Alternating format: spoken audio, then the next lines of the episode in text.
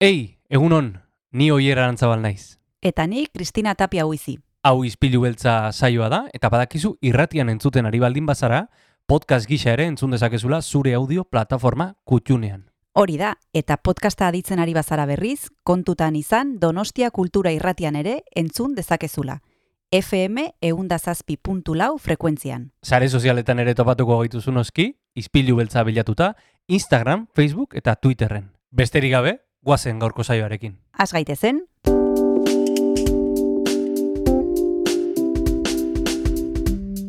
Ispilu beltza. Donostiako kulturaren berri, Oyer Arantzabal eta Kristina Tapia buizirekin. Egun honen zule, abenduako goite iruditu, ostirala da, eta gaur izpilu beltzak azken eguna du, e, emisio, zuzeneko emisioan. Donostia kultura erretian gaude, azken eguna, e, Kristina, baina urren urtean gehiago. urrengo urtean gehiago eta datuzen egunetan gehiago. Gauza da, e, gauza bitxiak errekuperatuko ditugula, baino gu zuzenekoan ez gara egongo. Hori da, hori da, Telmo tren horrek eh, aukeratuko ditu gure saioko eh, arribitsi batzuk, eta Mhm. goizero goizero izango duzu, elkarrezketa interesgarriren bat, lehendik egina daukaguna, ba, berpizteko modua, mm, Donostia Kultura Irratiaren uinetan, FM undazazpi puntu lau frekuentzian. Gaur, eh, gaur, ma, azken eguna izanagatik ere, gauza oso interesgarriak ditugu, besteak beste liburutegitara joango gara, eta gainera, musikari handi batekin hitz egingo dugu. Bai, badekizue ostiraletan e, liburutegietara hurbiltzen garela eta gaur etorriko da Arantxa Urkia liburu eder bat ekarriko du eta horren inguruan arituko zaigu eta gainera badekizue ostiraletan Donostia Kultura kantolatzen dituen ikastaroen inguruan aritzen garela eta horren arira gonbidatu genuen Tierri Bizkari bere garaian eta gaur ere gurekin egongo da badekizue berak kantu herrikoiak barnetik izena duen ikastaroa eskaintzen duela eta kontatuko digu zer ikasi aldugun ikastaro horretan oier oso interesgarria izango da ikusiko zu. Oso interesgarria, bai arantza aurkiaren proposamena, sekretua, e, ze liburu gombidatuko, e, ze liburu gomendatuko digun, eta gainera tirri bizkarri. E, Jon Gartzia, eman musikari eta hasiko gara.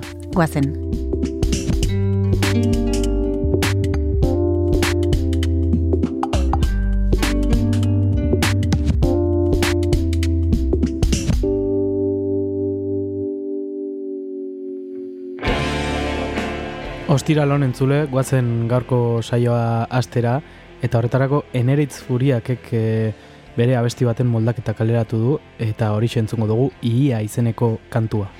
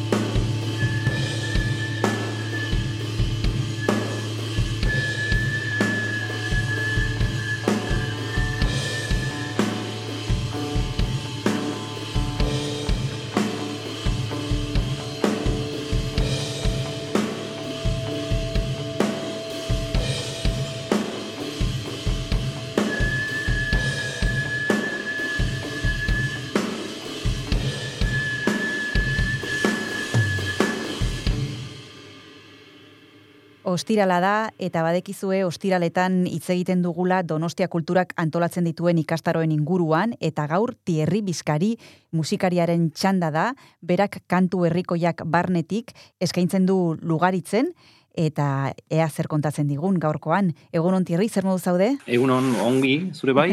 ongi, ongi, zurekin hitz egin genuen gai honen inguruan e, duela hilabete batzuk, baina jarraitzen duzu Donostia Kulturan ikastaroak ematen eta berriro helduko diegu e, gaiari e, norbaitek e, agian ez du ez zuen entzun bere garaian elkarrizketa eta oraintxe bertan errekuperatuko dugu gaia. Kantu herrikoiak barnetik lehenbiziko txanda e, orain abenduan e, bukatuko da, baina urtarrilean hasiko zara e, esan dezagun talde aurreratuarekin, ezta?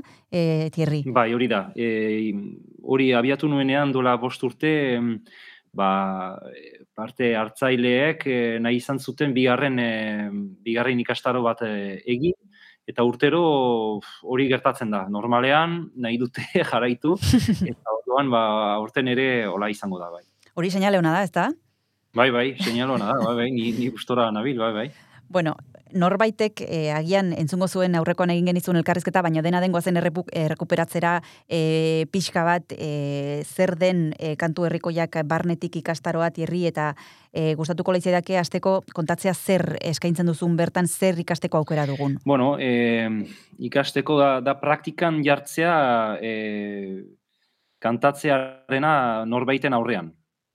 Hori bezain simplea da, abia puntua. Gero, ba, e, noski badaude ariketa ezberdinak eta eta mm, bai bakarka, bai taldean, e, bai binaka batzutan, e, olako, olako lanak dira, izentratzen naiz gehiago ba, zer erraten dut nori, ez? Eta nun. Eta orduan, ba, hor, e, kantari bakoitzak egiten du bere bidea, e, abiatzen den puntutik, bere, batzutan esaten dut bere ezintasunetik, e, eta e, nik kontutan hartzen ditut edo zein e, ahots motak, ez ditut bilatzen ahots handiak, e, biziketa, ba, hor, etortzen badira jendeak, ba, egan nahi du afizio bat badutela, gustatzen zaiela kantatzea, eta hori da niretako abia puntu berena. Aipatuzu gauza bat garrantzitsua eta batzuetan e, gu gehu izaten gara e, mugak e, jartzen ditugunak norbaitek pentsatu dezake jo nik ez daukat ahotsik baina zuk esan duzu ahotsa ez dela izugarria izan behar parte hartu al izateko e, edozeinek kantatu dezake Bai edozeinek kantatu dezake e, edozeinek hitz egiten du ba edozeinek hmm. kanta lezake ezta hmm. gero e, nere nere nere traba edo nere muga bakarra da eta ez da gertatu orain arte, eh? baina e, eukitzean horbait, ba, ez duena entzuten faltsu kantatzen dula adibidez. Horre zinet ez ere egin, ez baduzu entzuten, e, pues, horre ez dakit nola desblokeatu hori, ba, ba, ba, aditu batzuk balakikite, bala, bala, eh? baina nik ez dakite hori da nire muga bakarra. Eta orain arte tierri bost urte daramazu ja ikastaro honekin, e, orain arte zeinek ematen du izena, zein da jendearen profila, emakumezkoak, gizonezkoak, ze adinetakoak? Ba, adin ezberdinak gauzkat, e, uh ogoita bost urtetik esango nuke, e, irugoita amabost edo laroi urte arte esango nuke, e, olako perfilak dauzkat, e, gero uh, ala ere tendentzia bat bada, jende, jende helduago bat ala ere bada, baina gazteak heldu dira, eh? E, orain arte, e, urtero euki ditut gazteak, e, gia da, gehiengoa dela ala ere emakumezkoa, hori hola da, baina hori ez da, ez da nire, ez da kantu gintzari lotua, hori, hori dago, kultur mailan dago horrela azken urte hauetan, Aurten adibidez, ba aurtengo taldeak ez du ez du gizonik. E hori lehen lehen aldia da. Ze ordu arte ba zeuden ja aurten ez. bueno, zuzara, zuzara bakarra. Hori da, ni naiz bakarra. Aipatu duzu pikin bat eh, lehen e, tierri, baina nahiko nuke hortan sakontzea, ideia horretan sakontzea, eta ikastaroaren programan ere agertzen da, e, puntuetako bat da, noiz, nola eta nori eskaini kantu herrikoiak. Zuk aipatu duzu garrantzitsua dela jakitea e, non ari garen eta noiz ari garen e, gauzoi guztiak zertarako e, guztiek ba, zertarako balio dute? Ba, zertarako balio dute ze e, nire abia puntua da komunikazio komunikazioa da, komunikazioa ba, egiten duzu, hor ari gara komunikatzen gu biok, bai? Baina izaten aldira gure bien artean oztopoak, ezta? E, soinu bat, e, ez dakit, e, norbait hasten da hitz egiten gure bitartean, edo uh, wifi-a ez da ondo, edo bakizu, horiek dira gure oztopoak. Ba, e, da zaintzia hori, esatea, ba, gaur adibidez, adostu dugu, ba, e, nik ez zaitute telefonoz deituko e, mogikorrarekin, ze linea ez dago ondo, eta orduan adostu dugu, ez? Ba, bestu dugu hori. Ba, azkenean berdina da, esatea, bale, nik kantatu, kantatzen dut, nahi dut kantatu, zer? bueno, e, zer kanta dezaket, eta nori. Orduan, hori, hori jadanik definitzen duzunean, gero bada non, hori, non, non egin dezakeden hori. E, gaur egun alda, aldugu kantatu taberna batean, bueno, bazaila da, badakigu zaila dela, le, do, dola urte amarkada batzu posible zan, baina eskolerri honetan gaur egun taberna batean kantatzia ba, zaila da badira mila, mila oztopo eta eta esan, esan edo kantatu nahi degun hori ez da, ez da izten. Orduan, ba, behar ditugu toki berriak e, asmatu. Ego naiz pasaden e, ostiralian ego naiz e, txirain elkartean, antigoko txirain elkartean mm -hmm. kantatzen. E, bueno, e, nire kantak eman ditut eta bukaeran esan dit, ba begira, e, datorren urterako nik hemen nahi nuke berdina egin, baina e, nire ikasle hoiekin, bueno, ikasle bintzat kantari hoiekin. Ze justuki e, toki berri bat irekitzia nun kantatzen aldugun eta nun baden e, publiko bat, e, audientzia bat e, lasai eserita entzuten, ematen dut ontoa, baina entzuten lasai ez dagola e, ez dakit taberna bat irekita edo, hmm. edo Ez, jenea dago adi zuri. Ba, hori hori da nire iduriko gauza oso importante bat.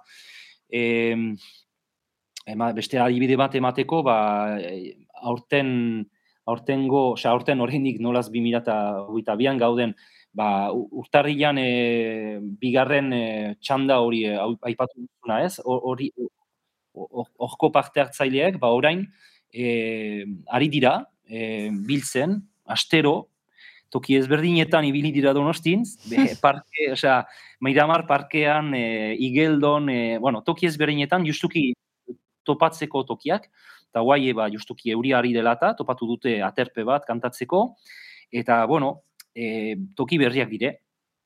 Hanik uste dut, ba, hor badugula komunitate bezala, kantari bezala ere, ba hori e, begiz asmatzeko. Mm Orantxe bertan jarraituko dugu honen inguruan hitz egiten tierri, baina tarte bat hartu behar dugu eta horretarako eskatu behar dizut abesti bat. Ezakit zer etortzen zaizun burura edo zer nahiko zenuken entzulekin partekateku, partekatu orantxe bertan. E, ba, askolan egin dut e, kantari baten, baten dako e, idoia e, kantariaren e, kantu bat e, lantzen baitu edo proposatu baitu berak, eta ikasle horrek bat zeuzkan, e, bueno, bere nekezia pixkat e, erritmoarekin, eta bara, orduan, lan, lan bat eraman dut, barneratu dut, ikasi dut kantua, azkenean, barneratzeko behar da ikasi, eta ikasi du kantu hori, eta da, da e, oita bosgarren, e, ah, nola da, oita bosgarren, ah, enea izurroitu, oi, iz, e, izenaz, Baina, bueno, topatuko duzu idoiaren eta diskan dago, eta diska bakar bat daukamen. Hori da, perfecto, guatzen entzutera.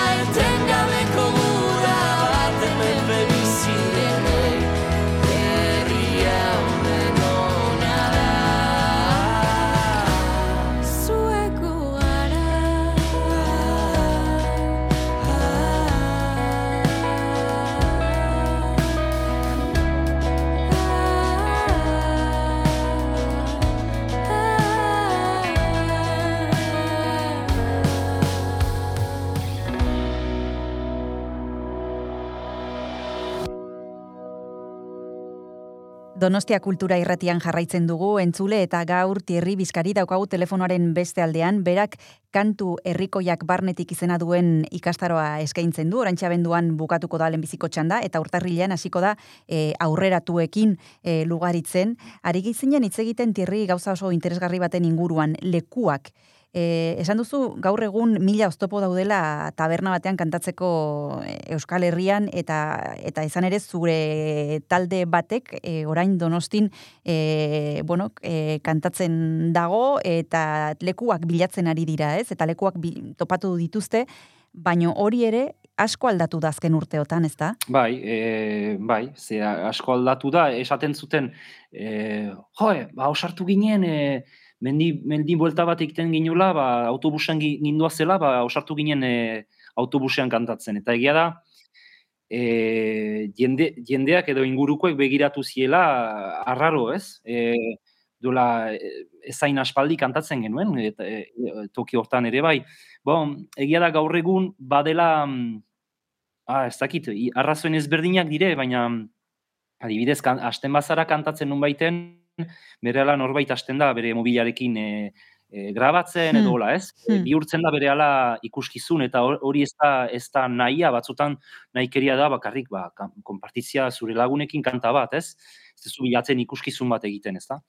Orduan, bueno, horrek ere segurazki eh, ez du laguntzen naturaltasun hori, dela, kantatzea dela bueno, e, lagunen artean, e, konpartitzen gauza bat, edo norbaiti e, kantatzea zuzenean gauza bat, edo bertso bat, e, nahi diozulako zerbait e, adirazi modu horretan, edo, bo, e, egia da, e, nolaz gure panorama hori aldatu den, ba, badugula behar hori, nik uste, e, ba, berriz pentsatzeko, berriz probatzeko, konkretuki, e, entxeatzeko, saiatzeko toki ezberdinetan kantatzea, eta aurkitzen, ba, kanta de, dezakegun lasai, e, eta modu mm, konpartitu batean, ze e, kantu jirak badire, adibidez, Bai, bai.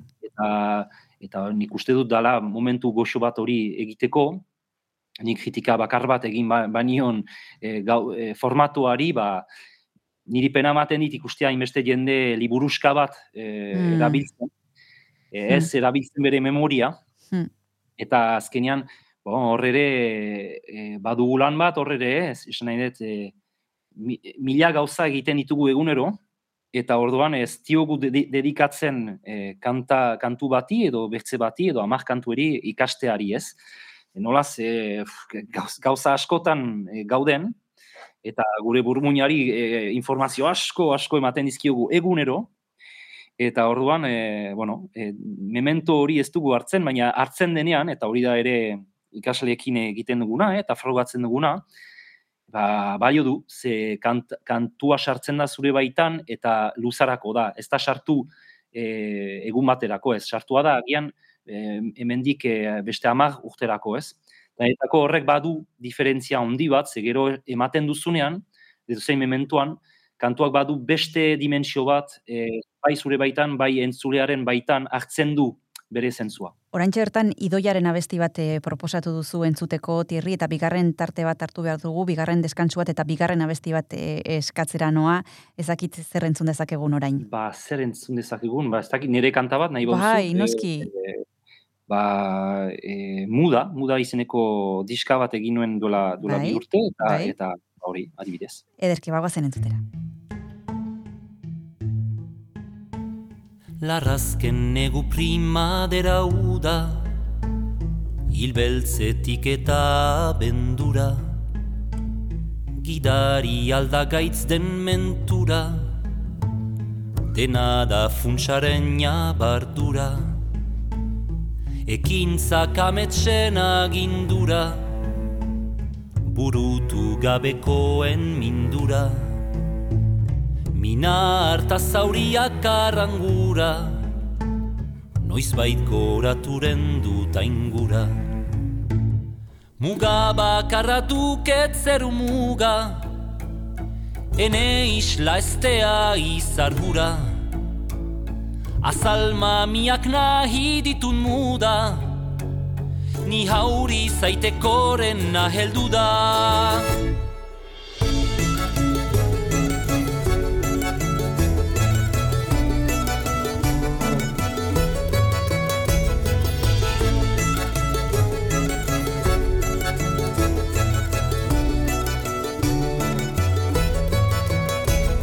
Zer niz izan ala deitura Oroi mina edo anztura Ai itzun indaiteke gustura.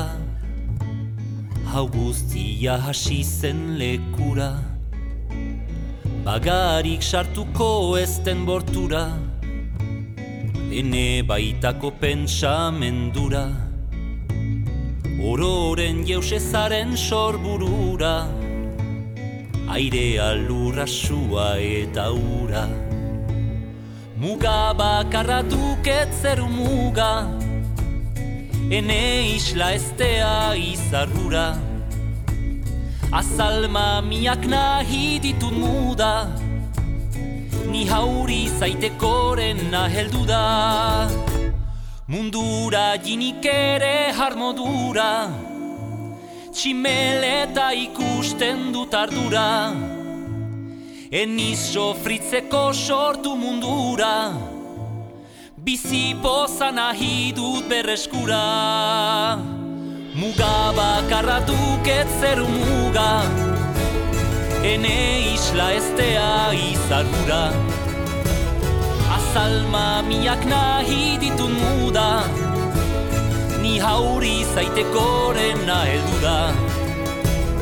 Muga bakarra duket zer muga. Ene isla estea izargura Azalma miak nahi ditun muda. Ni hauri zaitekoren naheldu da Thierry Bizkari daukagu gaur gurekin izpilu beltzan, berak kantu herrikoiak barnetik izena duen ikastaroa eskaintzen du Donostia kulturan, lugaritzen, orain urtarrilean hasiko da aurreratuen txanda. Aipatu dugu e, Thierry e, lekuena, e, geroz eta zailagoa dela, e, bueno, hainbat e, gauzek eragiten dute gaur egun ba, bizi dugun bizitzan, ez? Eta bueno, besteak beste e, oso azkargoaz, e, internet, mobila eta bar, eta honek justu eskaintzen, e, eskatzen duena da e, kontrakoa, ez? E, polikiago joatea, lagunekin egotea, fizikoki egotea, ez e, internet bidez, eta nik ezakite zure sensazioa zein den honen inguruan, e, galtzeragoa zen e, tradizioa da, e, ze, ze indar ikusten diozu e, ba, kantu herriko jei momentu hontan? Ba ez dakit, zaila zaite erantzutea, nik ikusten dut hor, e, nik bizi hori ikusten dut, e, konpartitzen dut kantua hor, bai e, lugaritzen, ba, baita ere Elizondo eskualdean ibili naiz aurten, eta datorren urtean ere ibiliko naiz. E, nik uste dut, badela idei bat behar dugula burutik kendu, e, entzuten detena asko, eh? eta baina zinez beharko genuke burutik kendu, egoaldean ez dela afiziorik edo ez dela kantatzen, ez da egia hori. Kantatzen da, ere bai, egoaldean, eta asko, afizio asko badago, ikusi dut, zarautzen ere ibili, ibili naiz, berdina egiten, eta badago afizio ikaragarria. Gero egia da, praktika falta da, praktika jeitsi da, eta udun, e, bueno, esan dudan bezala, tokiak behar dira begiz e, topatu, eta, eta behar dira ere, e, a ber, tokia eta ere bai, zertarako kantatzen duten. Hori behar da begiz, e, begiz e, pentsatu eta eta gogoetatu eta bere lekuan behar da jarri hori. Ze e, iparraldean badugu suerte bat, e, badauzkagu aitzaki asko kantatzeko. Eta eta orduan e, aitzaki horiek zer dira ba, erritualak, e, ba, maskaradak, e, pastoralak, e, libertimenduak, bueno, badaude oraindik olako erritualak e, oso presente direnak iparraldean eta emaiten dizkigutenak paradak e, kantu, kantuak praktikatzeko eta eta eta ikasteko. Guai, e, kantu gira, girek eh, alko lukete agian e, funtzio hori hartu, baina e, esaten badute, bueno, txuletak ez, txuletarik ez, izan daike, e, ba, batzutan, e, probatzea hori, e, bai, badago hor zerbait, e, nik uste, ba, gogoetatzeko, baina azkenian, e, balio du esparru hain, hain, hain besterako nun ez, ez, da, ez da mugatzen ahal e, kantagintzan. E, ba, badugu hor, e, nire, nire iduriko badugu erronka handi bat dela e, esatea zein da gure kultura, zein nahi dut niretzako. Ez, ez da Euskara bakarrik, Euskararekin doa kultura bat, eta kultura hori behar da bizi eta bizitzeko behar da egin. Ez, ez, ez da, zera, hartzen aldugun, nahi dugun e, tokitik behar da egin. Eta ez bada, ez badugu egiten, ba ez dago, hori bezen txinplea da. Eta ez da, hori ez da gelditzen ale Euskararekin. Ni Euskaraldia edo beste hainbat gauza, e, behar da egin. E, Euskaraldian hori da pixkat e, mezua ez da, ba, ba bai, nik ez dut beste manerarik e, ikusten dedikatu behar zaio e, denbora bat. Bai, kantatzeari edo edo edo bizitzeari gauza hori, gauza hori zer da, ba, ezakit, nire, nire gume txikiak eramaiten ditut, ara, e, atzo egon gira ikuskizunak ikusten euskeraz, e, astean egon gara pelikula bat ikusten euskeraz, e, ez, ez telebistan, eh, jungara zinemara, E, eta gero, ba, eramaten ditut, e, dantza, ikuskizu, dantza mm, ikusgarri bat edo libertimendu bat ikustera, bertso saio bat, esan dut, e, kantatzen diet gauero umerik, e, gauero irakurtzen diet liburu bat, euskeraz dena, hori hori guzia euskeraz, baina hori e, behiz ere da zabala da. Eta orduan, demora hartu behar da, eta demora, Claro, de gure denbora beste mila gauzetan gaude, ezta? Orduan, e, nola aurkitu lehentasuna, ezta?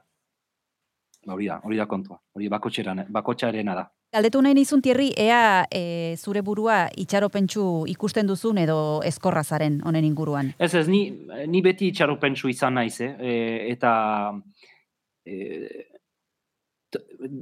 izan nahi dut, ni hola naiz, baikorra naiz, e, beti hola izan naiz, eta orduan, saiatzen naiz e, egunero nik gauzak e, egiten, nire, nire ardura hartzen, egitean, nire, nire heinean biztan dena, baina orduan iduritzen zait e, naiz eta batzutan egia da, e, behar da ere errealitatea ikusi, eta hor er, errealitate bat aipatu dugu, eta hori hola da, eta bale, hola da, baina Bene, nik uste mugitzen, mugitzen bagara, mugitzen ba naiz, e, ba, beste batzu mugitzen dira. Eta hola da.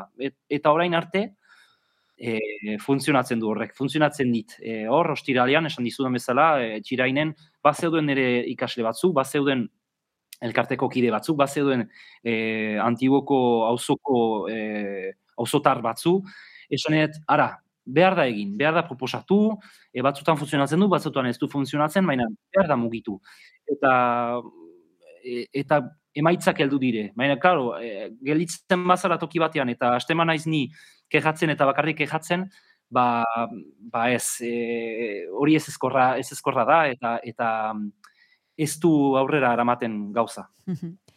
Bueno, ba, zurekin mantenduko dugu itxaropena, eta gomendatuko diegu entzulei, ba, tierri bizkarirekin ikasi nahi baldima dute, kantu herrikoiak barnetik nolakoak diren, aukera daukatela, igualagian datorren txandarako, ze orain urtarrilean hasiko den e, ikastaroa aurreratu entzako da, eta ja taldea egina dago, baina urrengo txandarako bai, e, eskerrik asko, tierri bizkari izpilu beltzara urbiltzeagatik, eta urrengo arte bezarka da bat. Mi esker bai, aio. Aio.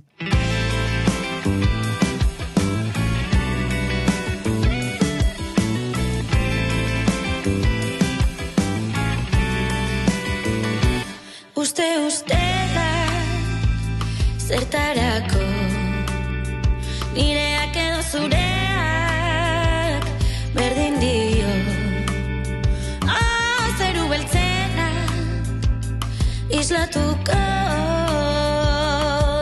dituzu geak betirako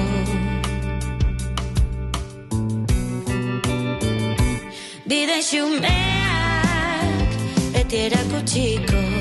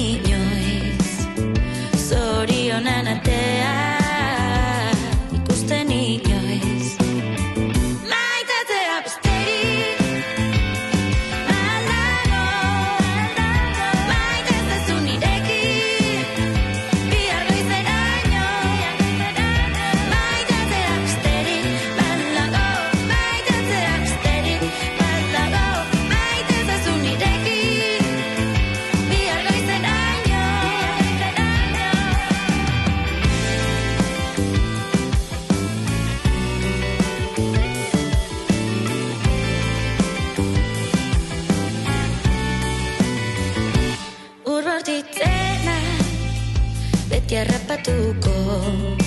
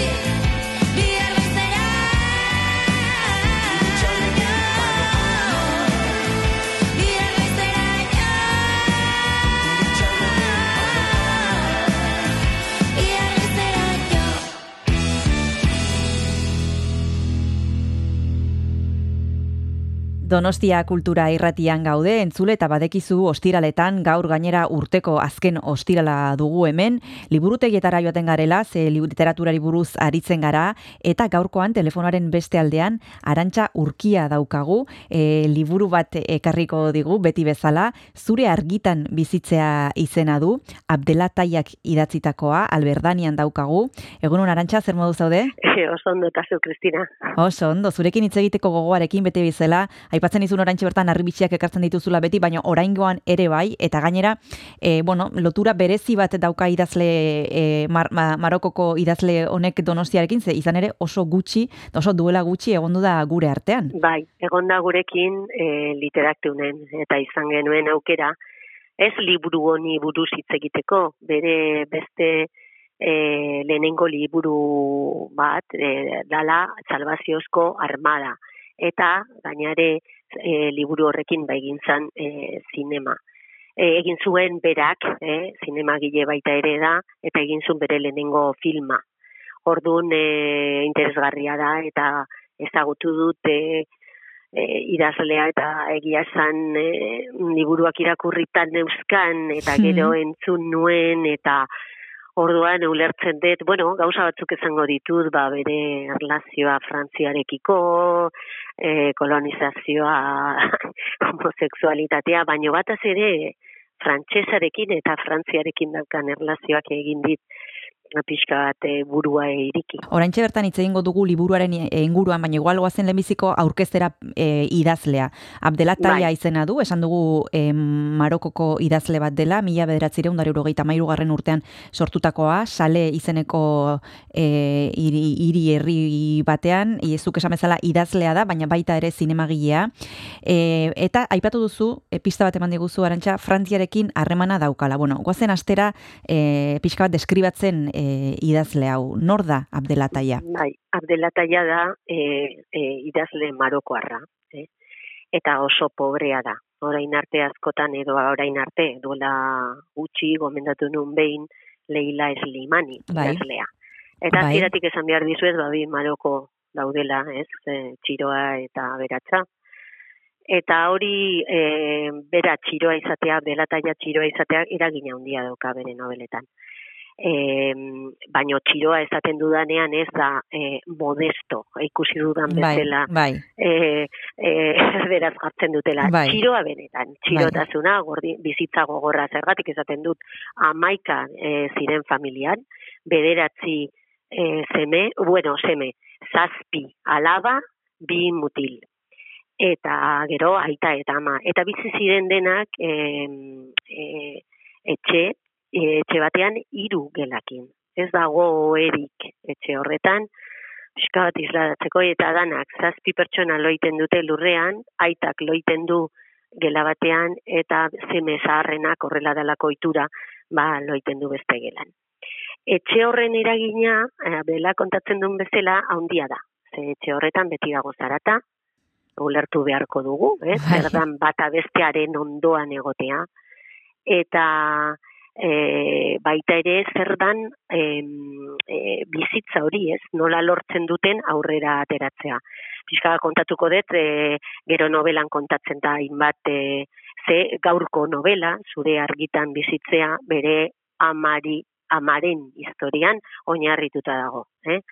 Bueno, baino bueltatzen gara abdelataiarena beraz e, lehenengo gauza abzieratik e, arabieraz hitz egiten du, eta arabieraz ikasiko du Unibertsitate Mohamed Bosgarren Bosgarrenan e, Unibertsitatea rabaten dagoena, eta gero aukera izaten du beka bat ematen diote ba, e, Ginebrara joateko, eta han frantsesarekin harreman gehiago izango du. Bueno, egia da, e, frantsesa zizala ikasten fiskal lehenago Marokoan, baina bera kontatzen du gauza bat, e, berak ikasten du frantsesa, e, besteak, frantsesak baino hobeago izateko. Ez daka beste idazleak bezala, badakizu idazle batzuk aukeratzen dutela bere jatorrizko hizkuntza, beste batzuk eh, esaten dute, nahiago dute frantsesez idatzi, baino e, Abdelak aukeratzen du frantsesa, harrigarria da baita ere izango dia zute, bueno, amorrua dio frantziari, baino frantsesez idazten du. Hori ere, e, bueno, idazleen beti kontrasan handi horiek. Baina berak ikasten du frantsesez nola bait, e, berak frantsesak bezain ona izateko. Hasieratik ikusiko dugu nola dagoen abdela eta frantziarekiko ezakit, erlazio komplet, komplikatua. Dani orain arte horrelakorik ez nun e, ezagutu zeni frantsesa morratua naiz, eta fra, oso zalea naiz, orduan ja esan nun, kontxo e, zergatik idazten du frantsesez. Bueno, berak e, gero Maroko e, egiten du beste gauza bat, bere bizitzan dala bere homosexualitatea aldarrikatzuko du 2006an, e, oso argi. Eta Maroko argi zarte batean, ba hori izan zen oso, oso fuertea, kritika ugari e, oki zituen Marokoan, Marrokoan. Eta errebista e, aldizkari frantses batean atera bere elkarrizketa. Aur aldizkari hori da Telkel. Eta hor egin zuten e, idazle marokoarren inguruko ba ez dakite artikulu batzuk. Beste idazle batzuk aipatuko dizuet ze agian ez dugu gehiegi ezagutzen. Eta dian Mohamed Chukri eta Salim Jei. Bueno, izango genuke dela belaunaldi berri batez, eta hirurak desberdinak dira, baina hirurak bai kontatzen dutela beste marokoa, eh? konparatuz lehin aldiz. Bai, bai. Nik aipatu nion, eta esan zin, e, hori beste gauza bada, esun ezan harreman txarra zeukan, ikizak izan, badakigu gainare lehilak daukala ama ama frantsesa, ez? Eta orduan ba bai, ez da iguala. desberdina dela mm. eta dirua dakala. Mm Nik beti aipatzen e, nahi dizuet esan txiroa dela eta txirotasun horrek e, eragina handia izan, izan daukala bere obran, daukala bere bizitzan. E, bueno, orain momentu honetan esan behar dizuet Frantzian bizi dela, autoexilio moduko batean, baina, klaro, mm, joaten da, eh? pelikula, nik ez nekin, baina pelikula grabatzen duenean, e, grabatu zun, utzi zioten Marokon grabatzen hainbat uh -huh, Eta baita ere kontatzen du, ba bere lehenengo liburu horretan aipatzen du bere homosexualitatea eta aipatzen du baita ere Marokoaren e, ez dakitze gizarte hipot, hipokrita izan behar du Maroko ze homosexualitatea oso oso nabaria da gizarte horretan. Badakizue baita ere e, Europako jende asko joaten zela bai mm, e, hainbat herrietara, e, Marokia, Maroko argazteekin harremanak bai. izatea, osea, bai. Baita bai. ere hori oso oso atzalean dago, eta berak e, nobeletan ikusiko dezuten eretot izan da idazle agian hain argi hitz egin duena, ba, hain argi eta normal e, homosexualitateari buruz, eta hori ere ikusiko da bere obra guztia beste obra importante batzuk badauzka, e, alpatu dut salvaziozko armada, baina baita ere mm, dauka e, mi marruekos edo nere marokoa, eta asko daude itzulita albernanian, eh? Arbelda, alberdani argitalitzeak, eta kabaret bolter, eh, Espainian ba izan dira nola baiteko argita, e, apostu egin dutena mm. dela taia mm buruz. Eta baita ere itzulita dagoela bai beste hizkuntzetara, osea, nik uste proiektzio handiko idazle izango dela, naiz eta batzuei eskustatu. noski, noski, denoi ezintzaile gustatu, normala den bezala, guk e, kasu hontan Abdelakai eta karri dugu zure argitan e, bizitzea liburua gomendatzeko, oraintxe bertan bai. itzuliko gara novela honen inguruan bai. hitz egiteka e, arantxa, baina abesti bat eskatu behar dizut, eta ezaki ze pentsatu duzun tarte ontarako? Bai, pentsatu dez duela gutxi hilzan Pablo Milanés, uh -huh, bai. eta orduan pentsatu dez eternamente Yolanda. Ederki bagoazen entzutera.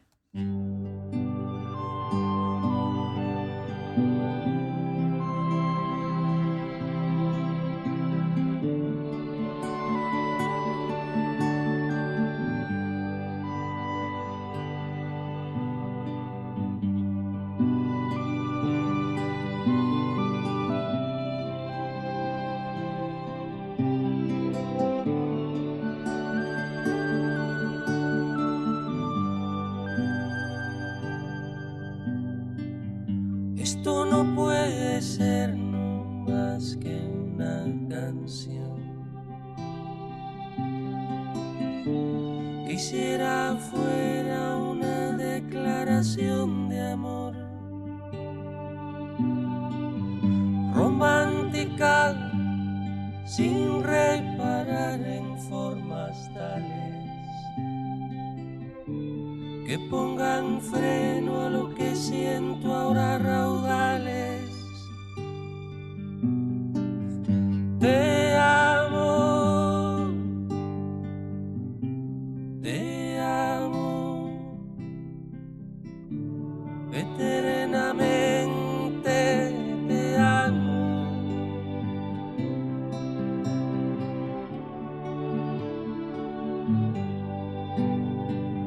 Si me faltas, no voy a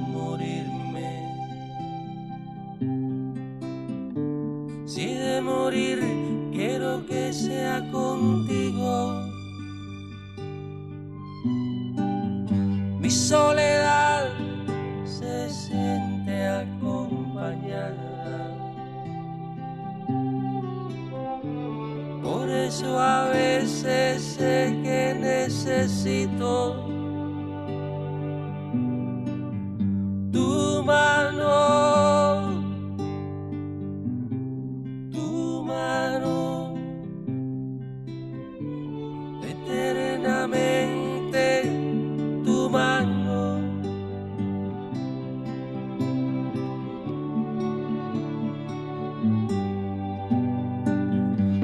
Cuando te vi sabía que era cierto. Este temor de hallarme descubierto. Tú me desnudas con siete razones. Me abres el pecho siempre que me colmas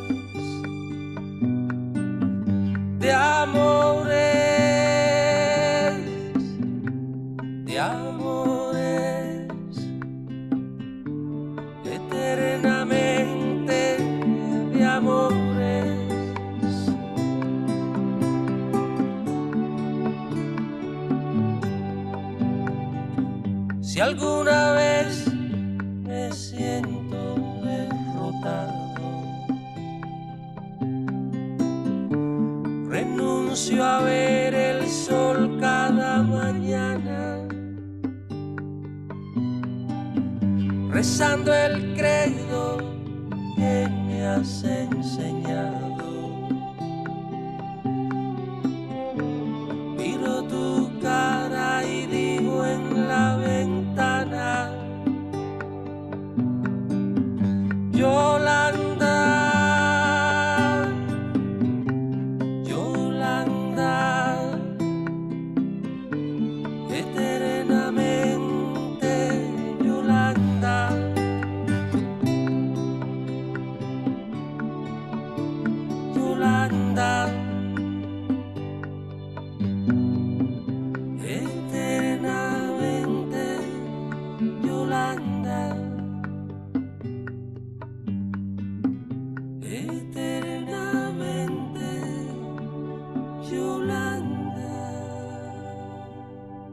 Ispilu beltzan jarraitzen dugu Donostia Kultura Irratian eta gaur ostirala denez badekizue literaturari buruz aritzen garela hemen Donostia Kultura Irratian eta gaur Arantxa Urkiak ekarri digu zure argitan bizitzea izena duen liburua Abdelataiak e, idatzitakoa e, repasatu dugu pixka bat bere biografia aipatu behar dugu Alberdanian daukagula eta Patxi Zubizarretak itzuli duela e, liburu hau. Goazen pixka bat kontatzera aipatu diguzu lehen bere amaren historian oinarrituta dagoela novela hau zer kontatzen du taia, e, Abdela Taiak e, zure argitan bizitzean? Bai, e, zure argitan bizitzea da e, Malika e, historiaren, Malika emakumearen e, historia hiru pasarte aukeratuta. Eta Malika da bere aman oinarrituta dago. E, Malikaren hiru pasarte hauek e, kronologikoki oso luzeak dira, esan nahi dut lehenengo pasartea e, kokatzen da bere herrian, herria Beni Meial izeneko herri batean, e, benetan existitzen dira herri hauek, eta horre ikusiko dugu malika gazte bat. Malika gaztea, ba, badakizu eskondu egun behar du, eta eskontzen da maite minduta. Bere zenarra izango da aial, aial, ez dakit e, izenak ez ditut ondo hauztatzen, markatuko diate arabiarrak, baina... Saiatzen gara. Zaiatuko da, aialekin eskontzen da. Eta ze gertatuko da, osein izango da akzio importantea ba, aialek e, pobretasunetik ateratzeko em, noa joango, e, da, oraindik Marokoa e, ez da independentzia, kolonizatuta dago, eta joaten dira Indotxinara e, burrukatzea. E, Arabiarrazko joan ziren, zergatik diruagatik, ez? E, bi jabete bakarrik egongo da Marokon ze hil egingo dute zerran, zenarra, aial. Eta orduan kasu horietan, ba, Frantziak ematen zion e, indemnizazio bat familiari. Baina Marokon e, ematen diote e, zenarraren e, familiari. Hau da, Malika, voltatzen gara Malikara, e, bilatuko da diruri gabe, ohitura denez, ba, nola ez da, alaba bat usten dete okizula, alaba geratuko da bere zenarraren familiarekin, eta berak e, kale gorrian geratuko da. E, e, malika kale gorrian geratuko da ikusiko dugu, e, nola, e, eta nola kontatzen du malikak e, pasartea hau edo akzio hau, ba, bakarkako monologoetan. E, zatia honetan, imaginatzeko pixka bat nola dan liburu guztia da beti e, malikaren ahotsa, eh, hitz egiten aialekin. Aialei esaten dio ba zergatik juten dan, e, bueno, ikusteko bakarka da horretan, ba zergatik juten dan, zergatik burrukatu egin biardun, ba beste lurralde e, baten interesak e, zaintzeko, Frantzia, ez, ez dula ezer ezagutzen, eta gero baita ere esan dizuet homosexualidade buruzko gizarte hori, Hmm, ba, errealitatean eskontzen da berarekin, baino aialek zaukan lagun bat, lagun mina, gizona, asaltzen da novelan, merzouge izenekoa, eta esango dizuete, ematen du daula e, un trio, eh, sinistu diazue. Orduan hori ez dakit oikoa den, ez dakit dakan alako garrantzia hori aipatzea ze, ez den nahi anekdotan. Ze mm, liburu honetan ahotsa, emakume honen ahotsa sentituko dezue hasieratik.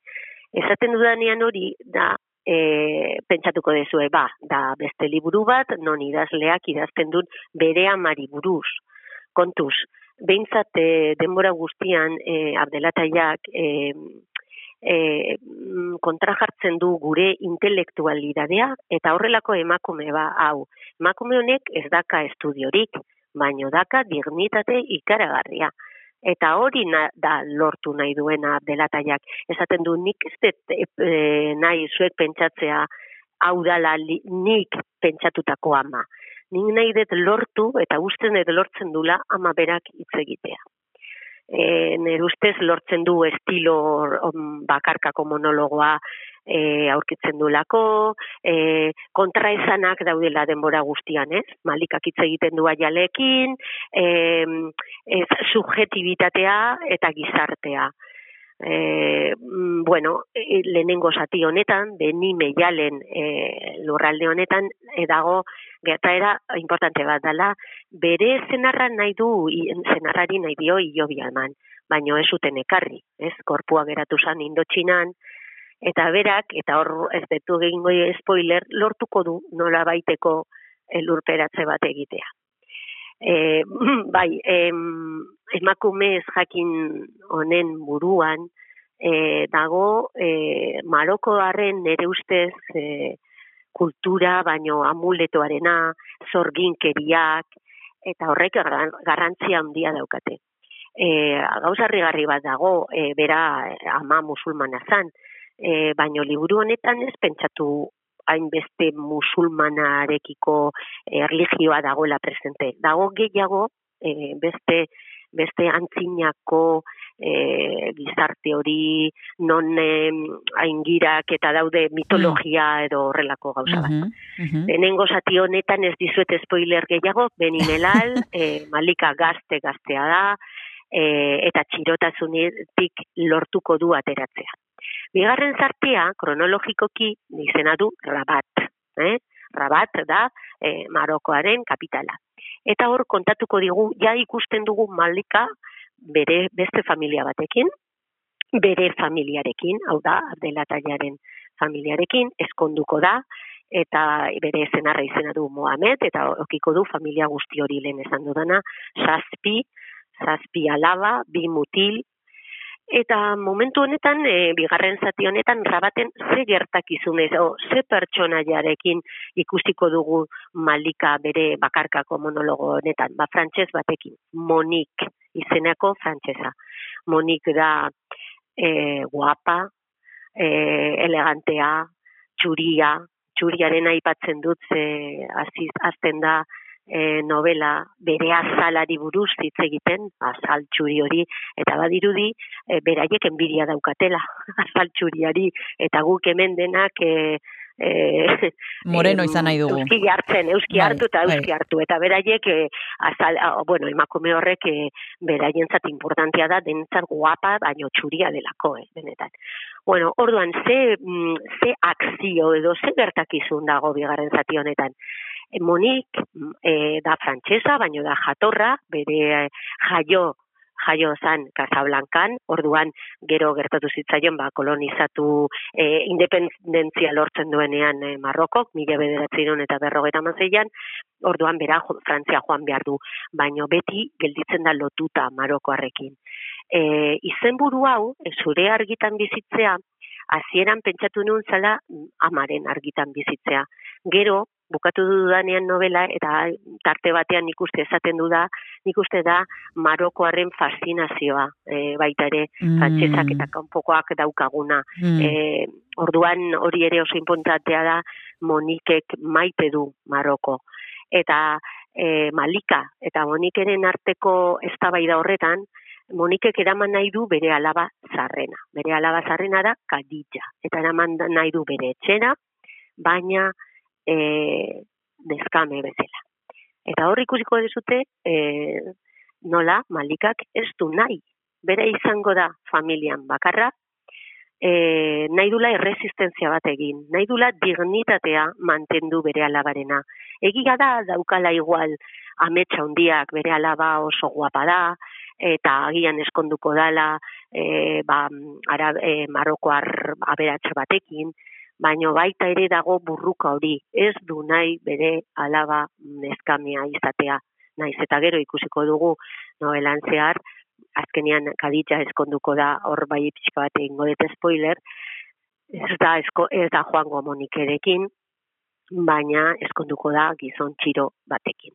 E, dualidade hori, pertsona malika eta beste pertsona bat aukiko du beti aurrean, non e, hitz egingo du bere individualidadea, baita ere gizartea, eh? ez pentsatu e, daure kritikak Abdelataiaren e, nobeletan, beti dago kritika ba, manokoarri, erregeari eta aberatsei, ez ahaztu.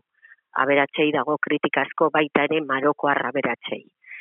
Hirugarren zatia. Hirugarren eh, zatia eh, aipatze aipatu baino lehen, e, deskantsu Bai. bat hartu behar dugu Arantxa, ongi iruditzen Bai. baldin zaizu eta ja azkeneko zatian ekingo diogu hirugarren e, zati honi. E, lehen Bai. aipatu duzu eternamente Yolanda bestia, e, Bai. bigarren tarte hontarako ze bururatzen zaizu? E, ba, pentsatu dut beste abesti bat e, Silvio Rodríguezena, Bai. La Maza. Venga, guazen entzutera. Bai.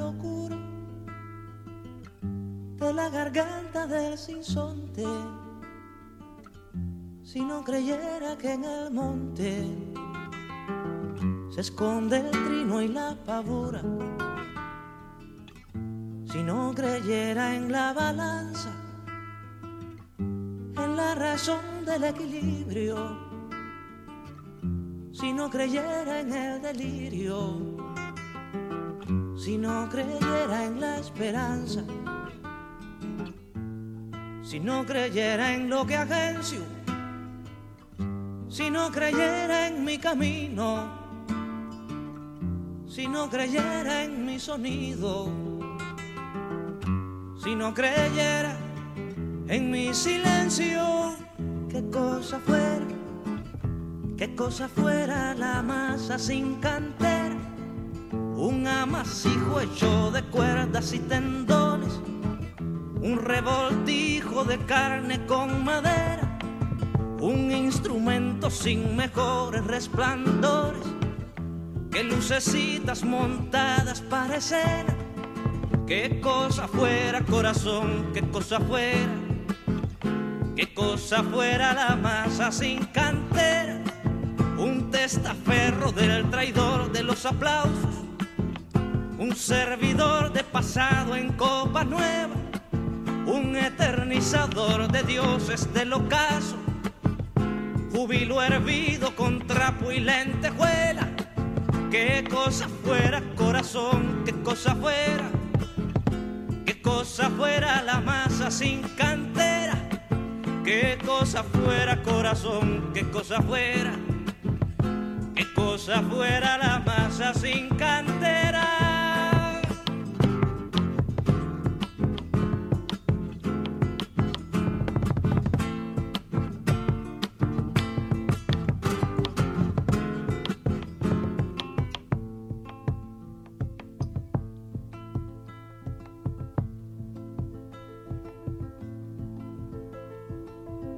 Si no creyera en lo más duro,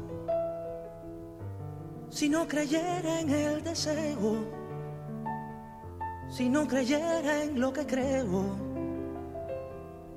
si no creyera en algo puro, si no creyera en cada herida, si no creyera en la que ronde, si no creyera en lo que esconde hacerse hermano de la vida.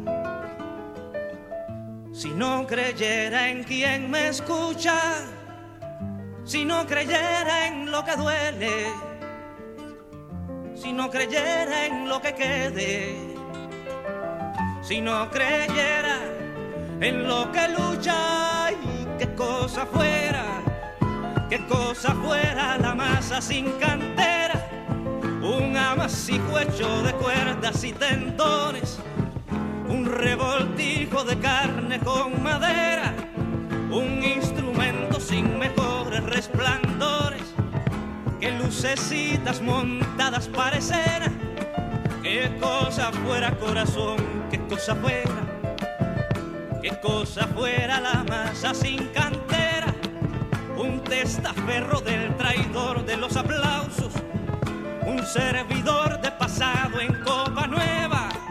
Qué cosa fuera corazón, qué cosa fuera, qué cosa fuera la masa sin cantera, un eternizador de dioses del ocaso, júbilo hervido con trapo y lentejuela. Qué cosa fuera corazón, qué cosa fuera, qué cosa fuera la masa sin cantera qué cosa fuera corazón, qué cosa fuera, qué cosa fuera la masa sin cantera.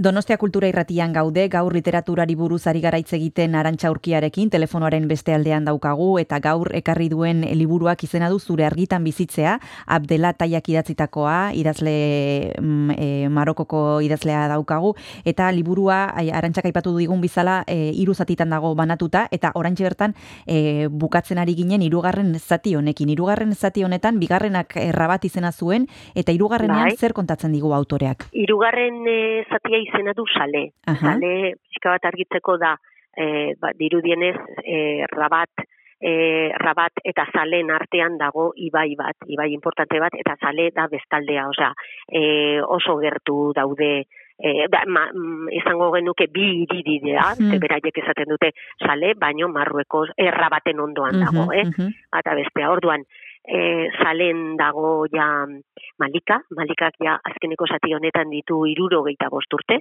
eh? zaharra da, e, bakarrik dago etxean, lehen aipatu dut nola e, le, e, be- bere etxean beti zegoela jendea, jendea, eta bakarrik dago, eta etortzen zaio, e, sartzen da Jafar pertsonaia, dala e, lapur homosexual bat.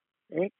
Lapur homosexuala horrekin, okiko du beste e, bakakako monologo hoietako bat, eta errepasatuko dute kasu honetan bai e, homosexualitatea, zergatik dan lapurra, eta mm, bere ze, mm, bakarrik dago, lortu du, e, malikak lortu du nola baiteko etxe bat dauka, ez?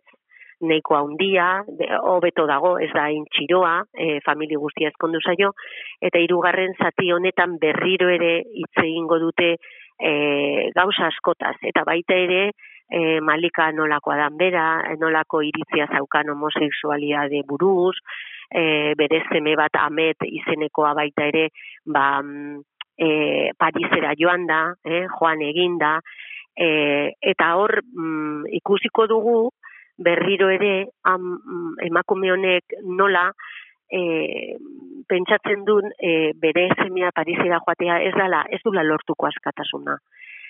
Emakume honek pentsatzen du eta agian gero abelataiak esaten du bere iritzia aldatzen dijoala bere amaren ideia hobeto ezagutzen dura ama. Ze askatasuna lortzeko Kristina e, Parisera joaten direnean jende guztionek eta amak ikusten dut ikusten dula hori, e, bakardade izugarria daukazu. Mm, E, ez ara marokoarra, bai, ez ara frantsesa. zaude erdian. Eta mm, daukasun, e, eta be, baino marokoan ezin dezu bizi. Ze gizarte horrelako, e, jo, badakizute ze gogorra dan, e, bueno, hor kontra esan guztiak beti azaltzen dira, e, boterea, identitatea, bakoitzaren nortasuna. Nik uste e, Jafarrekin izaten du e, elkarrizketako gorra, ez, ez hor bai ez dizuet egingo espoidelerra, zer eskatuko dion, bueno, eskatuko dio adibidez e, idaztea eskutitz bat em, monikeri, e, Mm. monikei laguntza eskaten, ez? Mm. Bigarren pertsona, bigarren Bai. zatian esan Bai. monik, e, alter ego hori, ez? Eta e, orain goretan da Jafar. E, Jafar homosexualarekin nola baiteko e, lotura badauka emakume honek, emakume tradizional honek, esango genuke, badauka lotura. Azke, agian ondo ulertzen du Jafar. Eta Jafarrek e, argi usten dio baita ere ze ama gogorra izan dan, e, ze ez dezute pentsatu bihar malika dala emakume, nola esango dizuet, e, dena ondo egiten duen emakumeenetakoak, esan dizuet amuletoak, esan Bai. dizuet e, nola sinisten duen agian, baina e, da benetazkoa. Eta daka bere mm, lortzen du idazle honek e, sinistea ez dula berak abdelat e, idazten. Hmm. Idaz, e, hitz egiten nahi da emakume honek Mm, beste puntu importantea da Bai. intelektualidadea, Bai. ez? Nola e, guk askotan begiratzen dugu ikasketak egin dugunok, begiratzen dugu mespresuz horrelako emakumeak. E, gero, bigarren puntua, e, guk daukagu e, emakume arabiarrez ja ideia batzuk, dana pentsatzen dugu, e, daudela etxe barruan, bueno, gauza horiek, topiko Bai, bai, klitxeak. E, bai, mm, ez jaki, beraien ez jakintasunean, beraien ba, beloa eramaten dutela, emakume horiek oso, oso potenteak dira, e, oso importanteak, e, etxe honetan e, gizonak, gizonak ez da, e, daude pixka bat akompainante bezala, baina malikaren historia honetan, em, guk emakumeak gaude isladatuta. Esango nuke beste ama asko daudela isladatuta. Baino ez, nola esango neizuke, ez pentsatu ama eta semea, hori ez, ama, ama bere hitzak, bere kontraesanak, bere nortasuna, bere hankasartzeak ere, em, bere, ez dakit, txantajeak, amak egiten ditugu txantaje asko, baino pentsa nola ateratzen duen emakume honek aurrera, behintzate egunero, abdelataiak hori bai kontatzen dula. Zuek imaginazazu zer dan, egunero atera zuen amarekin, janaria jarabila, amaika pertsonintzat janabila, eta garbitu etxe hori, oea ez dagoen etxe batean. Ez dizut esan, ba, bere zenarrak lan egiten dula liburutegiko, ko- liburutegian, rabateko liburutegi bateak, baino konserje bezala. Oso diru gutxi irabaziko zuten. Orduan, e, important, gustatu zait e, pertsonaia emakumea izana, gustatzen zait e, nire intelektuala datik, ba, pixka bat, aldelataiak jarri ditela eh, nere, nere tokian. e, gero frantsesa agian, bueno, eske egon nintzen pentsatzen kolonizazio ondoren egun batean agian espero dudala herri kolonizatu guzti horiek bere bere ahots pro- propioa e, aurkitzea. Ze naiz eta konprenditu edo naiz eta izan oso eskertiarrak nik uste beti begiratzen dugula arabiar arabiarrak ala bigarren filakoak bezala eta iruditzen zait asko ikasi beharko genukela agian. Mm, Eta liburu honekin aukera ederra daukagu, esan bezala emakume baten ahotsa daukagulako eskuartean, baita ere ikusten dugu nola kolonizatuta dagoen herrialde batek ze harreman dun e, kolonizatzailearekin, kasu hontan Frantziarekin, homosexualitatea ere agertzen da, e, familian arteko erlazioak, e, ma, Marokon e, urte asko a, a- hartzen ditu liburu honek, e, amarkada desente deskribatzen ditu, nik uste dut, e, bueno, aukera mordoa eskaintzen ditula liburu honek e, sakontzeko hainbat gaietan, zuk aipatu dituzu hemen arantxa batzuk, eta orain nik uste dut e, norberaren esku dagoela ba, irakurtzea, eta nik uste dut konbentzitu gaituzula. Arantxa zure argitan bizitzea, e, e, esan bezala Donostiako liburutegietan daukazue, alberdaniak e, argitaratu du, patxizu bezerretak itzuli du, gainera Abdelataia egonotan e, egonda Donostian, eta seguru nago zuetako batzuk ikusteko aukera izan duzuela, eta baita ere entzuteko. Eta besterik gabe, arantxa urkia, mila esker, e, abenduaren hogeita iruko saiontara etortzeagatik urteko denboraldiko azkena, ea aukera Bai. daukagun e, gehiagotan egoteko, ze esan dizut a- hasieran arribixiak ekartzen dituzu eta plazerra da zu entzutea, beti konbentzitzen gaituzu, eta ea hurrengoetan horre- horrela den eskerrik asko eta besarka haundi haundi bat arantxa. Bai, eskerrik asko zuri aukera honegatik eta disfrutatu e, liburu honekin edo beste batekin, eh? Hori da. Bueno, Agur. eskerrik asko, Agur, Cristina. agur, Venga, agur. agur.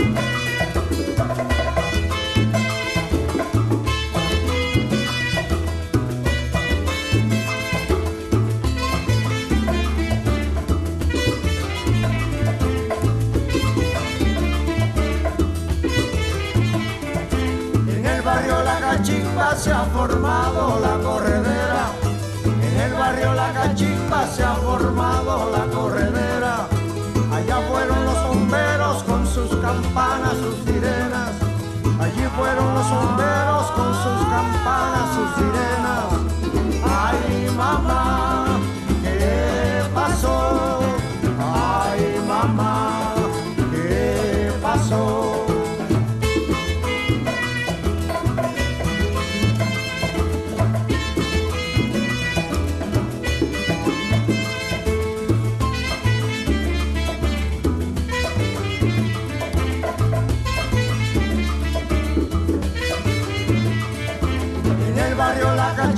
Se ha formado la corredera.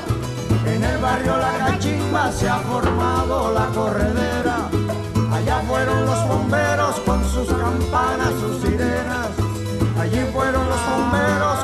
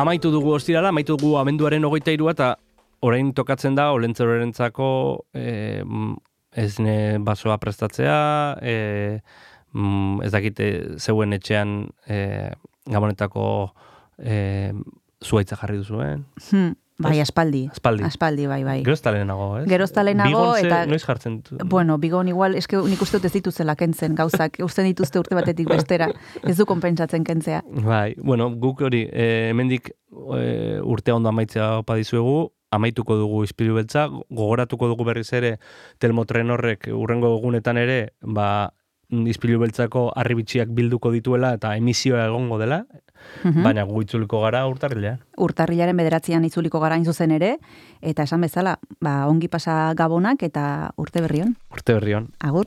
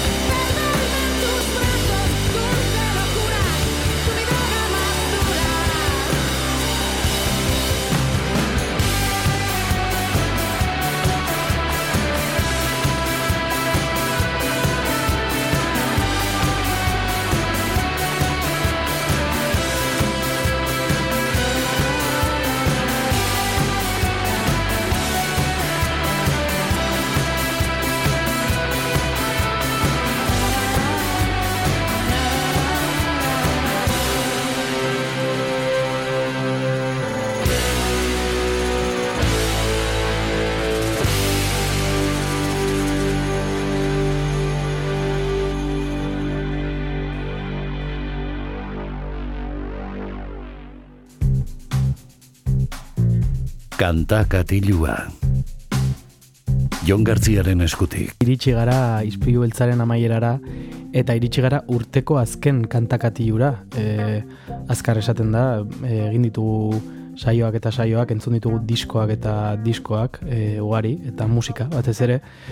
Eta gaurkoan azkeneko diskoa entzungo dugu. Musikari Nafarraren azkeneko diskoa entzungo dugu, bere bakarkako proiektukoa lengo lepotikan burua izeneko lana da eta alaxe hasten da.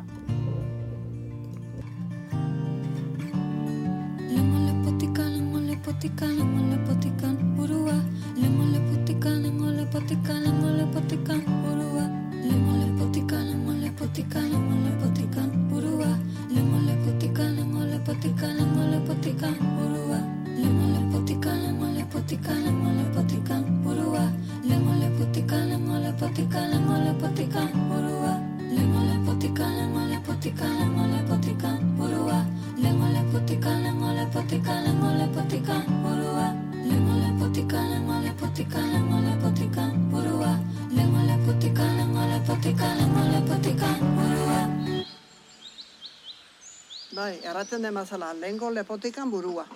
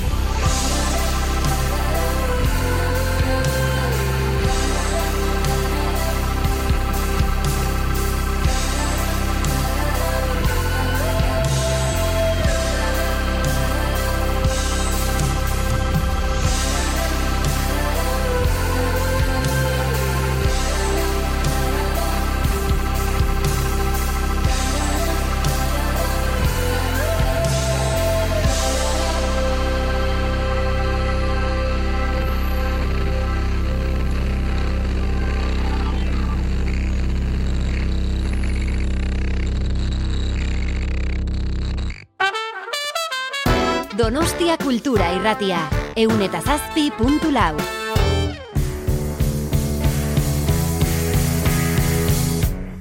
Neurritasun edo neurrikeri, zenbat gezur eta zenbat egi, barne balantza eta kanpokoa, bat ez datozenetan.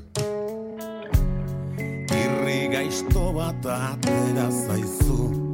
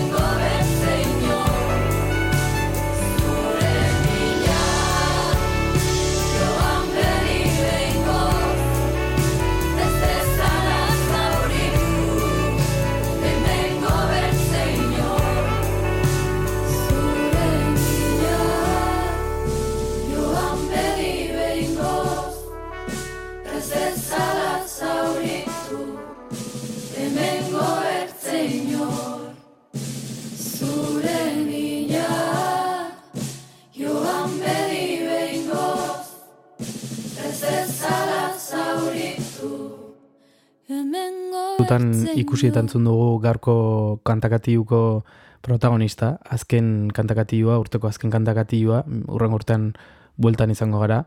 Olaia Intziarte artista eta musikari nafarra da gaurkoan entzuten ari garena, bere bakarkako lanarekin, lengo lepotikan burua izeneko lan ederra eta bikaina, aurretik e, pleura taldean eta beste hainbat e, proiektutan aritu da, baina hause da bere lehenengo lana, erbiti estudioetan eta orain txentzun duguna izan da zure mina izeneko kantua, eta urrengo kantua da MJ izeneko kantua, na, izan ere ez da diskoan dagoen bakarra, e, Olat Salvador, Jofe eta beste hainbatere aritu dira, baina kasu honetan Joseba Tapia, Leire Berasaluze eta Kristina Arantzabe izan ditu intziarte kondoan, beraz guazen entzutera.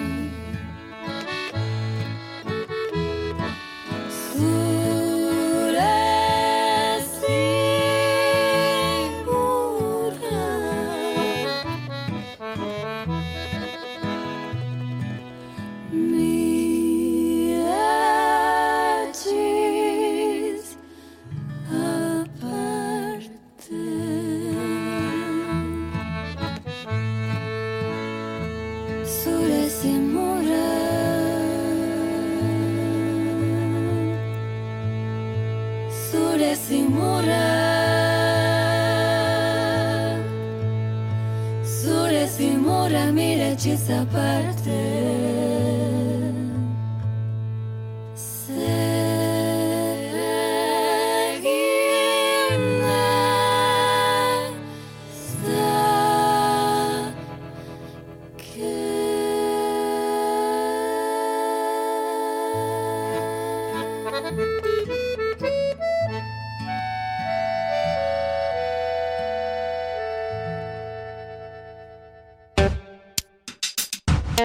Donostia kultura irratia zurea ere bada. Zatoz eta parte hartu.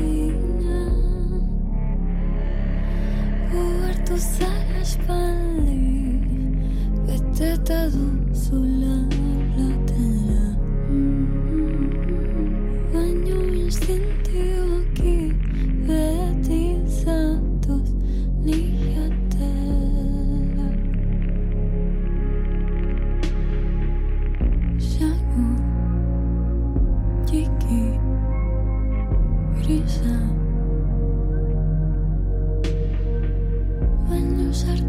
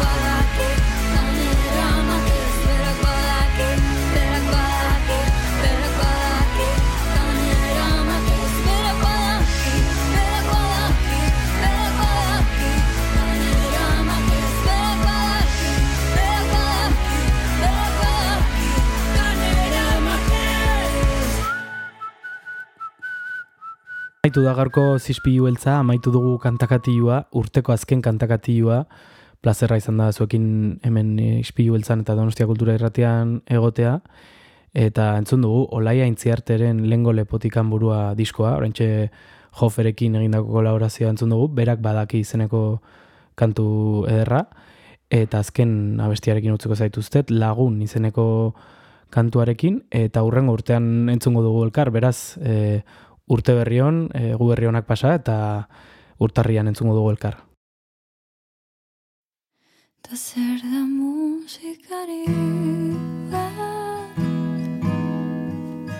Ez badie kantatzen Txoko guziei Gauzik evidente